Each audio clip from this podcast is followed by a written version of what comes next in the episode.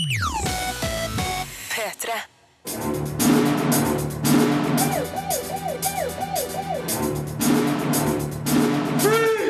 Filmpolitiet! What's your name, dude? Birger Vestmo. What kind of stupid name is that? Premierefilmen Beatles er pen, pyntelig og tam, sier jeg i min anmeldelse.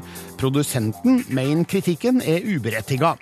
Klaustrofobe bør kanskje holde seg unna skrekkthrilleren As Above, So Below, sjøl om jeg mener at den store skrekken uteblir. Fly 2, brann og redning, er litt større og bedre enn eneren. Og i neste uke kommer oppfølgeren til et av tidenes mest solgte spill, Sims 3. Vi skal høre hvordan Sims 4 er modernisert for 2014. Filmpolitiet. Filmpolitiet anmelder film. Vi mennesker har bestandig hatt forbilder.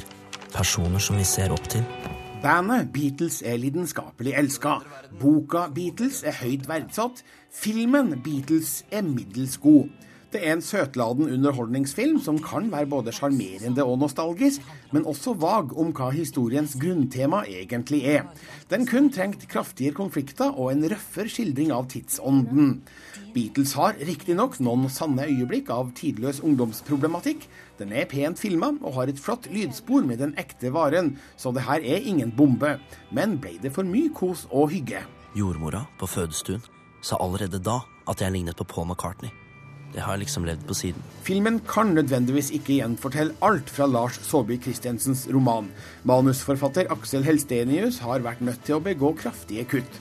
Alt foregår i Oslo rundt 1967, der vennegjengen Kim, spilt av Louis Williams, Seb, spilt av Håvard Jakwitz, Gunnar, spilt av Ole Nikolai Myhrvold Jørgensen, og Ola, spilt av Halvor Tangen Schultz, hører på The Beatles og finner ut at også de må starte band for å få drag på jenter.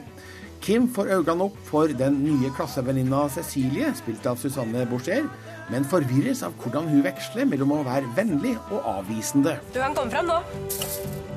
hei. Beatles handler om å være ung og prøve å finne ut av ting. Guttene er på terskelen til voksenlivet, og vi ser glimt av hvordan de opplever dets positive og negative aspekter. Det er imidlertid lite nytt å finne her, og det kan oppleves som en akutt mangel på friske vinklinger på temaet. Det her er sett før. Manuskuttene føles òg godt underveis. Seb, Gunnar og Olas problemer får lite spillerom og skyves til side for å rydde plass til Kim og Cecilie. Kompisgjengen får ikke tid nok til å etableres skikkelig. Denne kvartetten virker lite samspilt. Har du kjæreste? Nei. Har, har du? Av og på-forholdet mellom de to hovedfigurene mangler innhold mellom linjene i dialogen. Konfliktene som oppstår kan virke konstruerte og lite troverdige. Men mye reddes i land pga. Louis Williams sin hjertelige fremtoning av Kim. Dette er en filmfigur vi vil det skal gå godt for. Det hender nok at rollen krever litt større skuespilleregenskaper enn han har rukket å opparbeide seg, men Williams tar det igjen på sterk utstråling og sjarm. Talentfulle Susanne Boucher, kjent fra keeperen til Liverpool, er òg god som drømmedame, som man aner skjuler noe bak fasaden. Alt jeg skrev, og alt jeg kommer til å skrive, er bare en halv brøkdel av det jeg prøver å få frem. Beatles er regissert av Peter Flint, kjent for Arn-filmene, som ble henta inn av produsent Jørgen Storm Rosenberg da de opprinnelige regissørene, Joakim Rønning og Espen Sandberg, forsvant til Hollywood. Flint og Storm Rosenberg har sammen med sin stab gjort mye fint med å vekke figurene og deres bymiljø til live på lerretet, men filmen trenger sårt litt mer alvor. Den burde ha vært mer enn et glansbilde av et fargesprakende naivt 60-talls-Oslo. Beatles har øyeblikk å humre av og mange toner å nynne med på, men man blir ikke satt på noen utfordringer som publikum, verken små eller store. Dermed føles filmen pen, pyntelig og tam, sjøl med The Beatles rockende på lydsporet. Sitter ikke her og hører på musikk. Nei, nei, vi gjør lekser. Terningkast tre Filmpolitiet. på P3. Jørgen Storm Rosenberg er produsenten av filmer som Uno, Den brysomme mannen, Sønner, Switch, Kautokeino-opprøret, Julenatt i Blåfjell, Blåfjell 2 og nå Beatles. Den åpna filmfestivalen i Haugesund for noen uker siden og ble mottatt med litt lunkne kritikker fra den norske filmanmelderstanden, deriblant meg sjøl, som uh, sier at filmen er pen, pyntelig og tam, og ga den terningkast tre. Mange har kritisert den uh, for at den mangler alvoret fra Lars Saabye Christensens uh, berømte roman. Her forteller Jørgen Storm Rosenberg hvorfor han tror filmen ble litt lunkent mottatt. Den varierende kritikken tror jeg handler om at alle har så innmari sterke meninger om hva dette her burde være og at alle ønsker at det skal være en god film, og alle har venta på denne filmen. Eh, og det er sikkert mange som har lest seg på boka og har tenkt at ja, det må, dette må, være med, dette kan ikke være med. Og så, så, kommer filmen, og så er filmen det filmen er. Eh, og så har man meninger om hva den burde vært, selv om man ikke er filmskaper eller noen ting. Eh, og det er helt forståelig. Jeg vet ikke hvordan jeg hadde reagert hvis jeg sto på utsiden. Så det var på en måte litt forventa at det skulle være mye, mye diskusjoner rundt hva det ble til slutt. Men eh, jeg syns kanskje at noe av kritikken er litt uberettiga. For jeg syns det handler det handler mer om hva en kritiker ønsker at det skal være, enn at man faktisk snakker om hva denne filmen er. For jeg mener at man nå må boka og filmen skille veier. Det er to forskjellige ting. Jo, det er basert på boka, men det er en film, og den må stå på egne bein. Beatles er en veldig omfattende og stor bok. Eh, hvordan starter man ved å gjøre en film ut av det? Ah, ja, det er jo viktig å finne ut hva man føler boka handler om. Hvor finnes det en filmhistorie i det litterære verket? Eh, og det jobba vi ganske lenge med. Vi satt eh, da, jeg og forfatter Aksel Estenius og de tidligere regissørene, og fant ut at vi alle skulle lage hvert vårt måte, synopsis på hva vi mente var viktig, og hvilke karakterer som var viktige, og hvilke karakterer man kanskje kunne slå sammen med andre. Og så slo vi de, måte, de, ideene sammen, og vi fant ganske fort ut at vi var enige om hvilken film vi så for oss i boka. Og det var et godt grunnlag for å kunne gå videre. Jeg tror Hadde vi vært uenige der, så hadde vi brukt lengre tid. Men da kunne vi konsentrere oss om en, en kjerne da, som handlet om vennskapet på de fire gutta. Og da satte Aksel Helstenius seg ned og måtte lage en helt enkel historie bare med de fire gutta. Og så begynte vi å ta inn alt det andre, men da kunne vi se at det i hvert fall var en filmatisk historie der. Det er en lang prosess. Det er mye diskusjoner, det er mye tanker. Man må lese boka mange ganger. Og det tar litt tid da, når man skal begynne på nytt igjen. Så det tar liksom flere dager å bare komme seg gjennom. Så det er en sånn prosess der du Hver gang du bestemmer deg for noe, så tar det lang tid. Mm. Og det er jo en, det er en, del ting som har blitt uh, eh, kutta vekk. Altså, boka er mye mørkere enn filmen. Uh, hvorfor uh, fjerna man, eller hvorfor fjerna dere mye av de, de liksom mørkere aspektene fra, fra historien? Altså Sånn som vi ser det, så er det på en måte boka kan nesten deles inn i to deler. En del der de er barn fram til de slutter på realskolen, og så er det en etter skolen øh, og fram til de på en måte da boka slutter i 1972. Når de da er ferdige som studenter. Og den, det er del to som jeg vil si har de mørke aspektene. Den første delen er ikke noe mørkere i boka enn det vi har i filmen. Eh, den er nesten litt lysere og nesten mer humoristisk også. Men um, vi har prøvd å legge inn noe av de mørke, destruktive sidene som, som Kim Carlsen har. Det er noen scener der han på en leker med døden. To scener. En der han danser med et skjelett, veldig sånn grafisk. Og en annen han står på kanten av et tak og nesten hopper ut, som, som, vi føler ligger i riktig forhold til hvordan boka beskriver de, de tingene. Og det er klart at uh, en diskusjon Hvorvidt filmen burde vært mørk eller ikke, det kan man alltids ta, men vi har valgt å lage en film som, som skal treffe et eh, bredt publikum, og som skal være tro mot den delen av boka vi har valgt å fokusere på. Så jeg føler at diskusjonen om dette blir liksom litt feil. Da. At man fokuserer på hva som er i resten av boka, i framfor å snakke om det som er i denne filmen. Jeg Følte at det var noe dere måtte legge til historien da dere begynte å adaptere den? Ja, Helt klart. For eksempel? Jo, altså Boka er veldig sånn observerende. Det er en person som er observerende, og som har veldig mye tanker. Det foregår veldig mye oppi hodet hans. Og, og hovedkarakteren har ikke så mye drivkraft. Han gjør ikke så mye selv. Han er med på ting, og det er klart i en film så er det veldig dumt for publikum. Så vi har jo lagt til drivkraft. Vi har lagt til mye tydeligere mål. Og så har vi lagd en kjærlighetshistorie som er, som er avsluttende, da, som, som, ender med noe, istedenfor at den blir hengende løs i lufta. Så det er klart at vi har dikta opp kanskje den kjærlighetshistorien litt mer enn det som er i boka. Men det er like mye fokus på jenter som det er i boka. Det er bare at vi har eh, modi modifisert den slik at den passer inn i en filmfortelling. Så ja. Og så har vi vel også Vi har fjernet noen karakterer og tillagt de egenskapene til de karakterene som er igjen. Som f.eks. moren har fått en mye tydeligere rolle.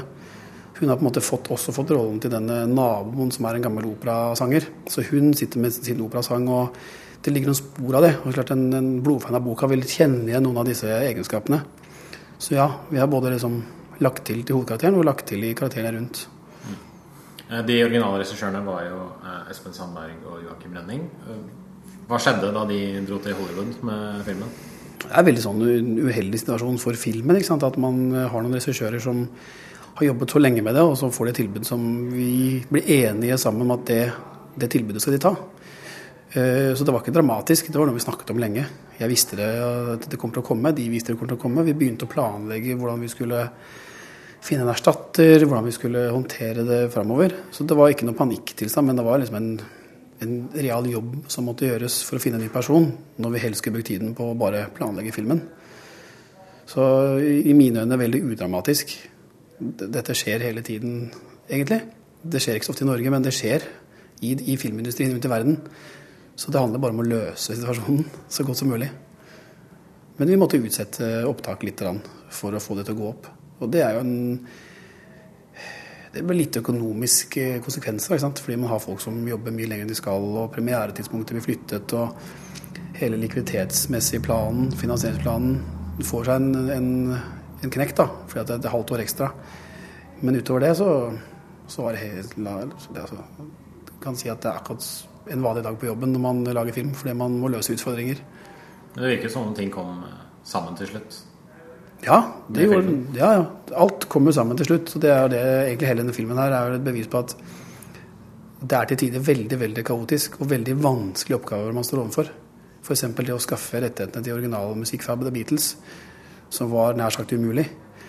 Og det å skifte regissører, som også er vanskelig og krevende. Eh, Det er klart at disse tingene er eh, utfordringer som vi må løse. Eh, Du nevnte musikken til Beatles, som er veldig viktig for tidsånden. Hvordan var det å prøve å fange denne 60-tallsstemningen for filmen? Altså, den er veldig godt beskrevet i boka. Og det har vi prøvd hele tiden å å holde altså, Eller videreføre også til manus, så det ligger i det litterære verket også i manus. Men vi lager film, og film er jo basert på bilder. Så mm, det så jeg på som egentlig det, det var veldig enkelt. Altså Det å gjenskape Oslo er, er ikke vanskelig. Det krever planlegging, det krever logistikk, og det krever budsjett. Og det krever veldig flinke folk både til å jobbe med digitale effekter, eh, til å jobbe med riktige kostymer, riktige kjøretøyer, biler, ting i bakgrunnen, eh, og scenografi og rekvisitter. Og det er eh, Nå, i 2014, så er det ikke vanskelig å gjenskape Oslo. Det bare er eh, måten du angriper på. Og det som er viktig for oss, da, som jeg tror er grunnen til at vi har lykkes med det så godt, det er at vi har valgt en stil som ikke er et tablå, en slags reklamekampanje for 60-tallet. Vi har valgt å ha mange stiler fra 50-, 40-, 60-tallet blandere, sånn, sånn, sånn som vi tror det var. da. For alle hadde jo ikke en helt ny bil, eller et helt nytt kjøkken, eller helt nye klær, som akkurat kom på det året. Så, det, så der har vi prøvd liksom å vanne det mer ut, og, så at det virker mer troverdig. Jeg tror er derfor det lykkes om man føler at det er en sånn fin koloritt fra den tiden. da. Jeg ser det litt med klesstilen til foreldrene kontra klesstilen til barna. Mm. Som de yngre barna og de eldre barna. Hvordan de uh, har ulike klær og sånt. Og det følte jeg var en fin sånn liten touch. da. Um, var det vanskelig å finne denne liksom, kjernegjengen med, med gutter? Veldig vanskelig. Og det er klart, igjen da, det spiller jo tilbake på denne boka som alle har et forhold til, og som alle har en mening om hvordan den skal være. Og vi har Lars Saabye Christensen som også gjerne vil være med og, og, se og påvirke disse gutta. Så vi fant jo veldig fort Ola. Fordi vi fant en gutt som var enestående i form av at han både kunne spille, han var veldig sjarmerende og varm, og han stammet på ordentlig. Så fant vi se på Gunnar ganske fort, men Kim Carlsen, hovedpersonen, han, han følte jo at vi ikke fant. Så jeg lurer på om det var så nærme som nesten seks uker før opptaket at vi tok for siste sånn åpen audition-runde. Fordi vi følte at vi ikke hadde han ennå. Så der igjen handlet det om bare å lete og lete og lete helt til han dukka opp. Men det er klart, når vi fant uh, Louis Williams, så, så var vi fortsatt usikre. Så vi, han måtte gjennom veldig mye testing. Eh, det er fordi det var så krevende rolle å spille. Han skal både synge og ikke synge for godt. Han skal være musikalsk, men ikke være for god. Han skal, ha, han skal gjerne ligne litt på Paul McCartney, men han skal være norsk. Han skal, han skal kunne spille, men han skal høres ut som han snakker som en ekte gutt fra 60-tallet. Så det er veldig mange kriterier som, som må, måtte stemme, da. Så det ordna seg til slutt der òg. Absolutt. Eh, boka er jo 30 år gammel, men den blir jo først filmatisert først 30 år etter at den eh, kommer ut. Er det, altså, har det bare vært en lang prosess, eller hvorfor, hvorfor tror du den kommer først, først nå? Det er veldig vanskelig å svare på, for jeg har jo ikke prøvd det tidligere. Men det er fem år siden vi begynte å jobbe med dette da. Men um, det kan være at timingen er riktig i forhold til at uh, Lars Saabye endelig var moden. Det kan være at man har hatt så stor respekt for boka at man kanskje ikke har turt å tenke tanken at det er mulig. En annen teori er at man visste at man måtte ha musikk fra Beatles for å gjøre det. Og det var også en umulighet, så mange har nok kvia seg ved å prøve det. Det er en kostbar affære bare å prøve, ikke sant. Så jeg tenker at det er tilfeldigheter som har gjort at den ikke har blitt laget for nå. Men det er veldig bra at jeg er på 30-årsjubileum. Syns det passer fint. Du hørte Jørgen Storm Rosenberg, som altså er produsent av premierefilmen Beatles. Og i de viktigste rollene finner vi Louis Williams som Kim og Susanne Boucher som Cecilie. Nå er det slik at eh, Louis han er nykommer i spillefilmsammenheng, mens eh, Susanne har spilt i en film tidligere, nemlig Keeperen til eh, Liverpool. De forteller til Jens Erik Våler hvordan de reagerte da de fikk rollene i Beatles. Jeg tenkte shit, dette er altfor profesjonelt for meg. Og så tenkte jeg dette er veldig stort. Og så at dette er veldig, veldig gøy. Det, det, det er sånn drømmen min. Det er det jeg har drømt om siden jeg var liten. Og dream come true. Å bli skuespiller? Ja, eller? å bli skuespiller. Mm. Men hvordan fikk du vite om filmen? At den skulle spilles? Ja, filmen? Jo, det var en, en jeg hadde jobbet med før. da. Hun sa at jeg måtte bare dra på audition, og det var siste audition de hadde. Så etter syv auditions så fikk jeg rollen. Var det en stressende prosess å gå gjennom syv auditions? Jeg var like nervøs hver gang, tror jeg. Eh, eller den siste gangen var jeg mest nervøs, tror jeg. Eh, Var det med meg? eh, nei, det var med en annen. men, men uansett eh, Jeg trodde hver gang at nei, det er ikke sjans at jeg får den. Men så til slutt, så ja. Jeg fikk den. Jeg syns det er en god innstilling. Man skal ikke ta noe for gitt. Nei. Vi har jo hatt griseflaks, i tillegg til at vi kanskje jeg vet ikke, har gjort en jobb og passer til karakterene. Da. Mm. Måtte du gjennom syv runder, du også? Eller? Jeg var gjennom to, jeg. Jeg gjorde ferdig. Da, tror jeg. Nei. Men jeg, jeg var Nei, veldig er nervøs. Og så den andre audition, den var, da spilte jeg mot fire forskjellige Kimmer. Eh, så det var på en måte en, i hvert fall en veldig intensiv audition, da, selv om det var ganske få. Du har gjort skuespiller... Nei, teater... Nei, film før. Hun har gjort eh, film før, så hun er mer erfaren. Vel, vel. Jeg har gjort én film før. Ikke, ikke supererfaren. Det var ikke sånn at du kom til henne og ba om eh, filmtips og slikt? Han gjorde ikke det. Det gjør jeg ikke. Men vet du hva, det er veldig mye folk som tar kontakt med oss nå for å høre hvordan man blir skuespiller. Utrolig mange som lurer på er et ja, spørsmål som kommer om hvordan om fikk du rollen. Ja. Altså fra, fra unge mennesker, da? Eller ja. fra journalister? Som også vil, nei, som også vil få roller, da. Det er først nå jeg har innsett hvor mange som vil bli skuespillere. Det er jo helt sykt hvor mye folk som spør Hei, jeg har kjempelyst til å bli skuespiller. Hvordan ble du skuespiller? Liksom. Er, det, er det rart å tenke på seg selv som et forbilde? Hvis folk kommer med slike spørsmål? Det er veldig rart. Um, men eller, jeg gjør ikke det, og jeg tenker jo ikke på meg selv som en skuespiller heller. Jeg tenker på meg som en skoleelev som tilfeldigvis har fått noen roller. Jeg føler meg egentlig ikke som et forbilde, men eh, jeg har jo bare gjort den filmen, da. Vet du hva? Louis er et veldig godt forbilde. Louis er kjempedisiplinert og veldig flink, spesielt som skuespiller, til å spise sunt og legge seg tidlig Ja, ja. og lære Tusen alle takk. scenene. Det er veldig hyggelig. Du hørte Louis Williams og Susanne Boucher, som altså spiller hovedrollene i premierefilmen Beatles. Reporter var Jens Erik Våler. Filmpolitiet på P3. The Amazing Spiderman 2 er altså da ny på Blu-ray, DVD og strømmetjenester denne uka. Jeg har testa Blu-rayen, som du for øvrig får i flere varianter. Du kan kjøpe eh, filmen enkeltstående.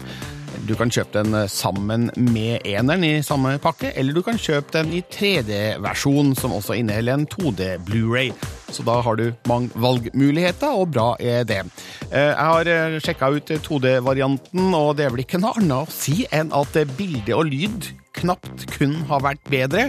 Det er altså da demomaterialet vi snakker om her, både når det gjelder billedkvalitet og også lydkvaliteten. Det er bra fraspark i subwooferen, for å si det sånn. Så da er det ut av veien, men hva med sjølve innholdet i filmen? Her får du min anmeldelse fra kinopremieren. Filmpolitiet anmelder film. You know what it is I love about being Spider Man? Everything. Da Sony Pictures resirkulerte Spiderman bare fem år etter den forrige runden, tvilt mang. Men eneren var god, og oppfølgeren fortsetter i samme solide spor. Den når ikke helt opp til Marvels egne heltefilmer, men har svært sympatiske Andrew Garfield og Emma Stone i hovedrollene. En historie om å finne ut av seg sjøl, samt et arsenal av digitale leketøy å lage effekter med. Dersom det er alt du trenger, er The Amazing Spider-Man 2 et godt tidsfordriv. What have you been up to? Det skjer forholdsvis mye i denne filmen. Forholdet mellom Peter Parker, spilt av Andrew Garfield, og Gwen, spilt av Emma Stone, får seg en knekk. I Oscorp blir Max, spilt av Jamie Fox, utsatt for en ulykke som forvandler han til den strømførende Elektro, mens det samtidig foregår en maktkamp mellom arvingen Harry Osborn, spilt av Dane DeHaan, og styrelederen Donald Menken, spilt av Colm Fiore. På toppen av det hele forsøker Peter å finne sannheten om sine foreldre. I once told you that secrets have a cost. The truth does too. My name is Richard Parker. Det er mye historie som skal presses inn mellom actionsekvensene, sjøl om filmen varer i to timer og 20 minutter. Av og til må det gå så fort at de ulike elementene blir litt overfladisk behandla. Max sin forvandling fra anonym arbeider på gulvet til rasende strømskurk kun trengt noen flere volt.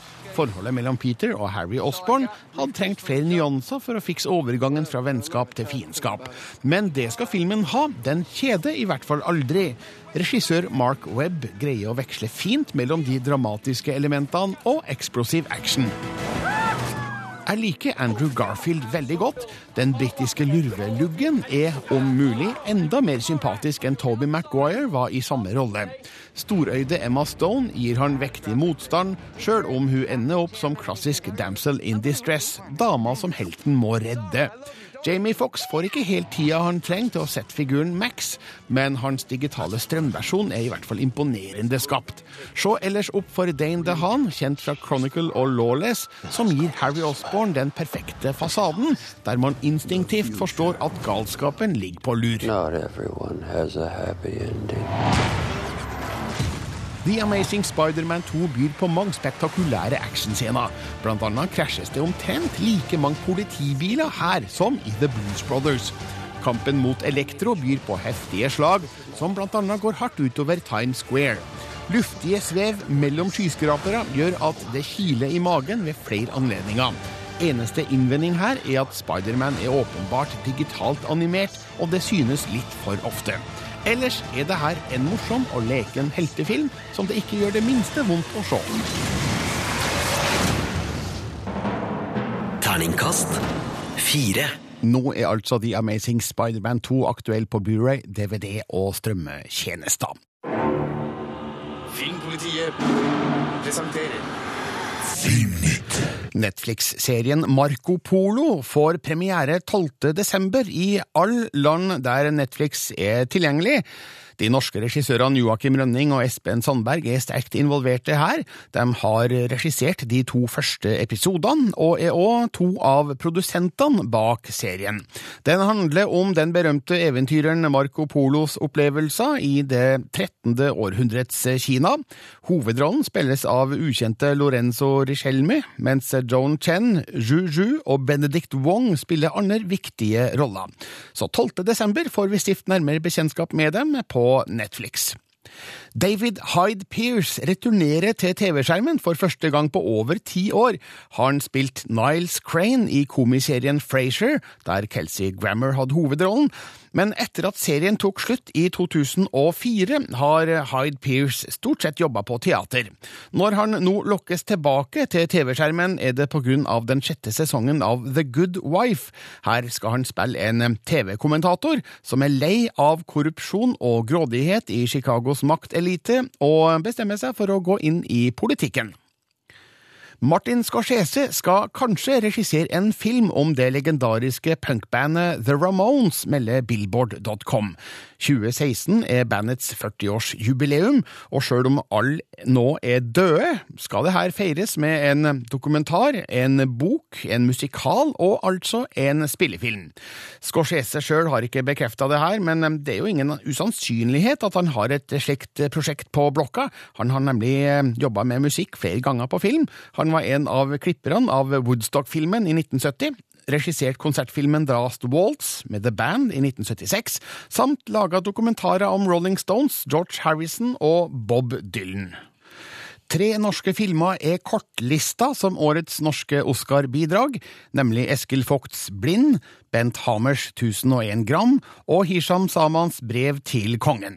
Nå må produsentene av de her filmene presentere sine eventuelle Oscar-kampanjer for en komité på sju representanter fra den norske filmbransjen, som til slutt velger én av dem. Kandidaten offentliggjøres allerede førstkommende onsdag. Og så må vi vente til 15. januar før vi får vite om den norske filmen faktisk blir Oscar-nominert. Apropos Oscar, Birdman av Alejandro G. Inaritu seiler opp som en ny favoritt etter ekstremt positive anmeldelser på den pågående filmfestivalen i Venezia. The Hollywood Reporter skriver at Birdman flyr veldig, veldig høyt. Screen International mener filmen er nydelig spilt og smart skrevet, og Variety beskriver Michael Keatons hovedrolle som århundrets comeback. Han spiller en tidligere superheltstjerne som leter etter et comeback, noe den tidligere Batman-stjerna vet alt om. Birdman får norgespremiere i februar. Toronto International Film Festival, en av verdens viktigste filmfestivaler, starter førstkommende torsdag med flere norske innslag. Fra før vet vi at Bent Hamers 1001 gram, Liv Ullmanns Frøken Julie og Ole Gjævers Mot naturen skal vises der. Nå er det òg klart at den norske Oscar-vinnende regissøren Toril Koves nye animerte kortfilm skal vises i Toronto i programmet Shortcuts Canada. Den heter Molton og meg, og er løst basert på hennes egen oppvekst i Oslo. Filmen ble vist på kortfilmfestivalen i Grimstad i juni, men får nå nordamerikansk premiere i Toronto, som ikke er en veldig lang reise for KV, som til vanlig bor i Montreal. Filmpolitiet anmelder film. 370 feet beneath this point is a hidden chamber that might contain a critical missing piece of our history. How are we supposed to get down there? As Above, So Below er en enkel, liten thriller med skrekkelementer fra trange katakomber under Paris. Stikkord her er klaustrofobi, mørke krefter og en fordreid virkelighet. Filmen har en gjennomgående dyster stemning, men scorer dårlig på originalitet og har et mildt sagt lite troverdig utgangspunkt. Og begynner man å sammenligne den med dens spirituelle forgjenger, Neil Marshalls The Descent fra 2005, bleikner As Above, So Below. My name Scarlett Marlowe, and I'm a student in urban archaeology. Scarlett, spilt av Perdita Weeks, får med seg en gruppe oppdagere til å utforske katakombene under Paris i jakta etter en mystisk stein med spesielle krefter. Men dypt under byen møter de uventa utfordringer i form av visjoner fra sin egen fortid, samt andre truende elementer som ikke skal avsløres her. Folk med klaustrofobi får kjørt seg. Det samme gjelder publikum med en sterk religiøs overbevisning. Filmen tilhører found footage-sjangeren, som vi har sett i alt fra The Blair Witch Project til Trolljegeren. Her dokumenteres begivenhetene av Benji, spilt av Edwin Hodge, som må være tidenes dårligste dokumentarfilmskaper. Ikke kan han planlegge, og ikke kan han betjene kamera med sine flakkende bilder. Men det her er ikke en film som trenger nærmere saumfaring av detaljer. Grepet med minikamera i deltakernes hodelykter fungerer greit i de trange underjordiske gangene. Dypt nedi der skjer det etter hvert eh, skumle ting, men problemet er at eh, jeg ikke føler meg spesielt skremt. Regissør John Eric Dowdle, som òg har skrevet manuset sammen med broren Drew Dowdle, tar i bruk flere velkjente og utslitte sjangergrep som er rimelig forutsigbare, og gjør at skrekken uteblir. I stedet blir det etter hvert åpenbart at filmen er laga på et knøttlite budsjett, for effektbruken er minimal, og innspillingsstedene er få. En sterkere historie kunne gjort filmen mye bedre. Dessverre greier ikke samlinga av ukjente skuespillere å skape noe nerve seg imellom. Blant annet er en kjærlighetshistorie mellom Scarlett og George, spilt av Ben Feldman, lite annet enn et kortvarig blaff som ikke utnyttes. Da sitter vi igjen med en ganske middels spennende thriller som har noen gode stemningsskapende øyeblikk, men er for svak på skrekk og for likegyldig på de mellommenneskelige relasjonene til å bli mer enn gjennomsnittlig god.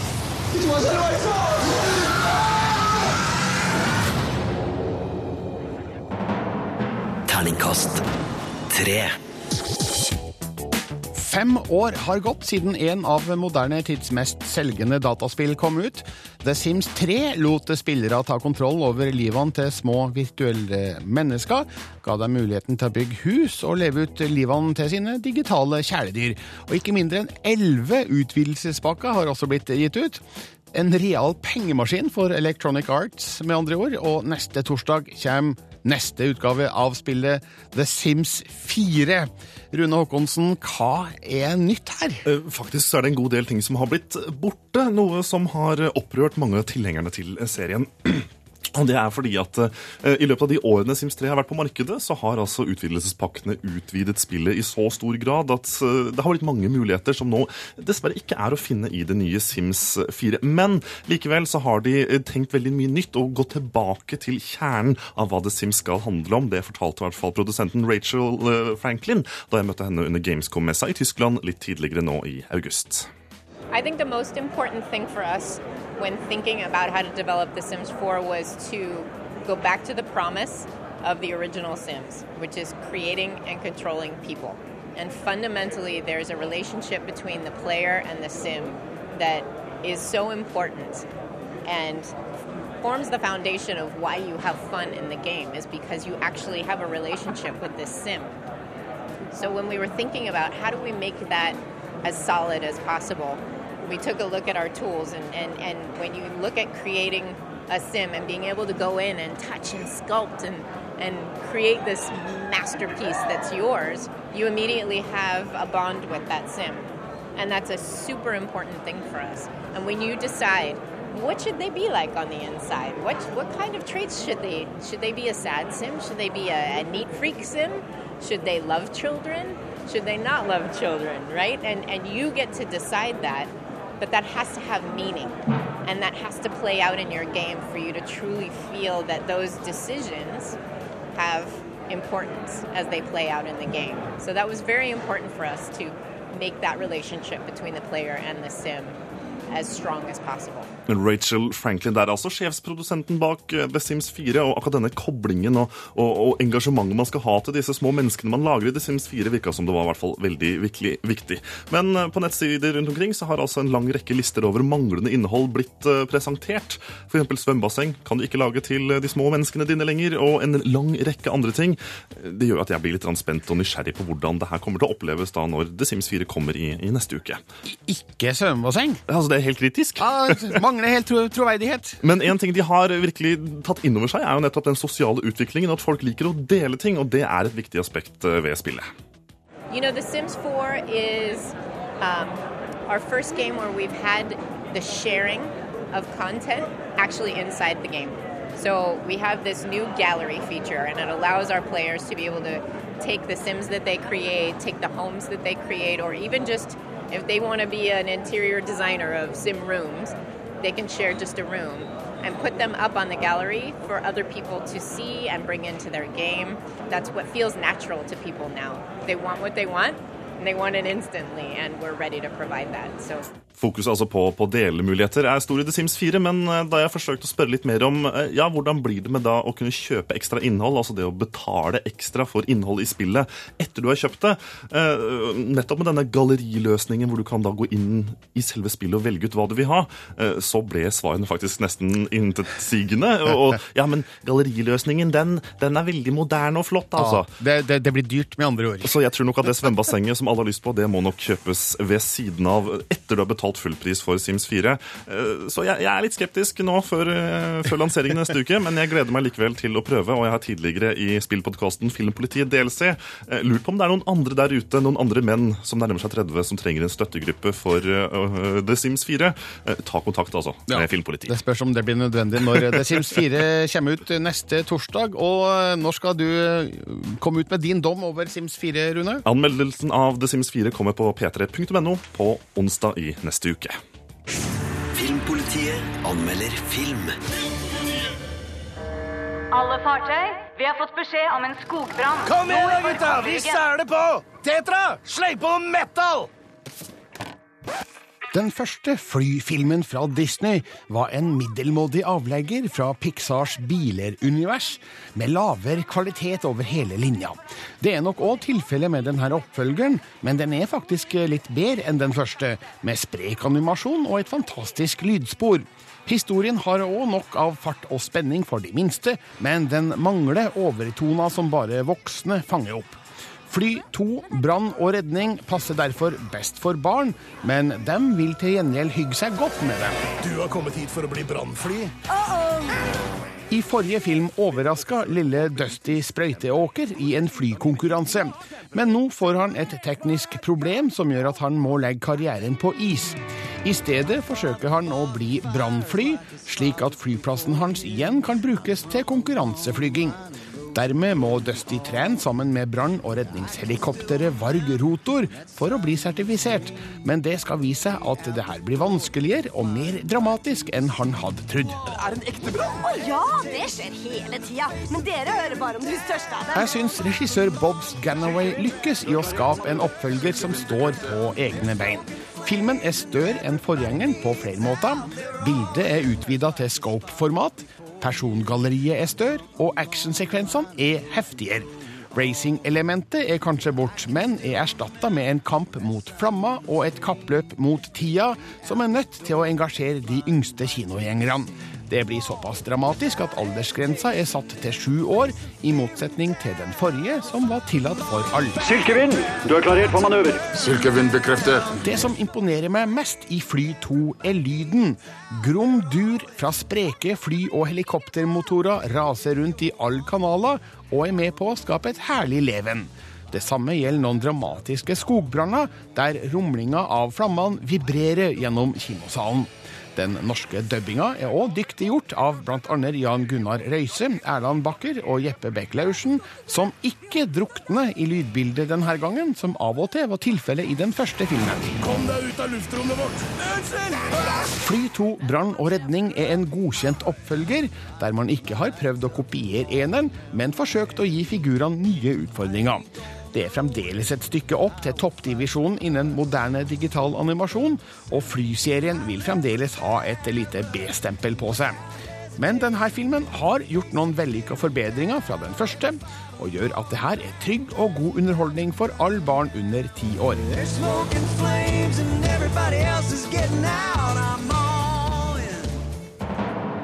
Terningkast fire. Blikket rettes mot en ny film på Blu-ray og DVD og strømmetjenester. Den heter The Lunchbox og er av typen film du kan gjerne trygt se sammen med mora di. Filmpolitiet anmelder film.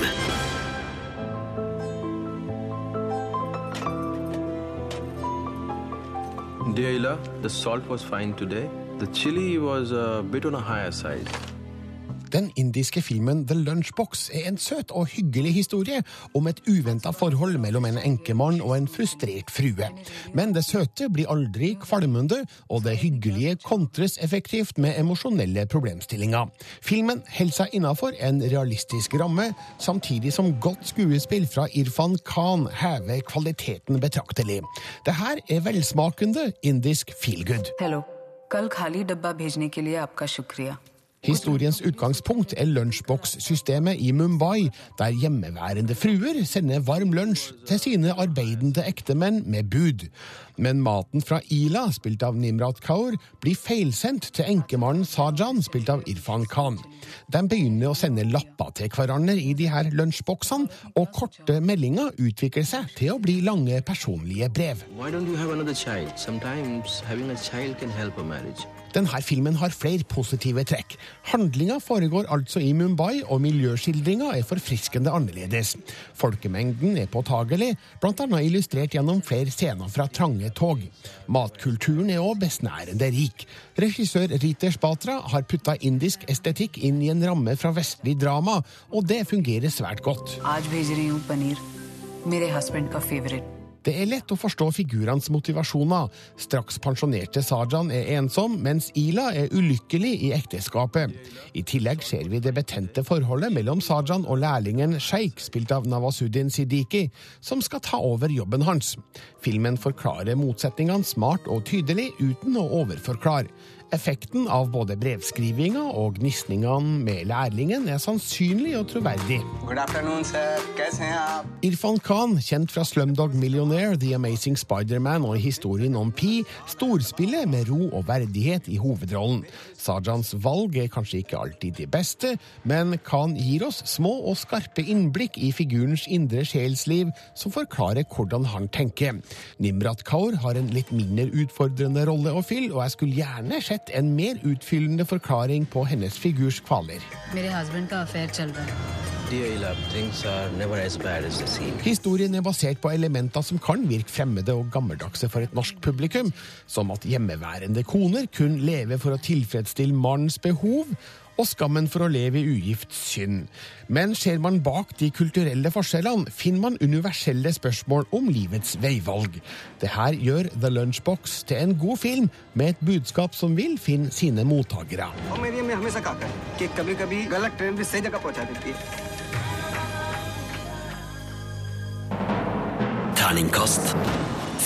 The Lunchbox kan du nå se på Blu-ray, DVD og strømmetjenester. Sammen med mora di. Filmpolitiet Med Birger Vestmo. på P3. Hør flere podkaster på nrk.no podkast. P3.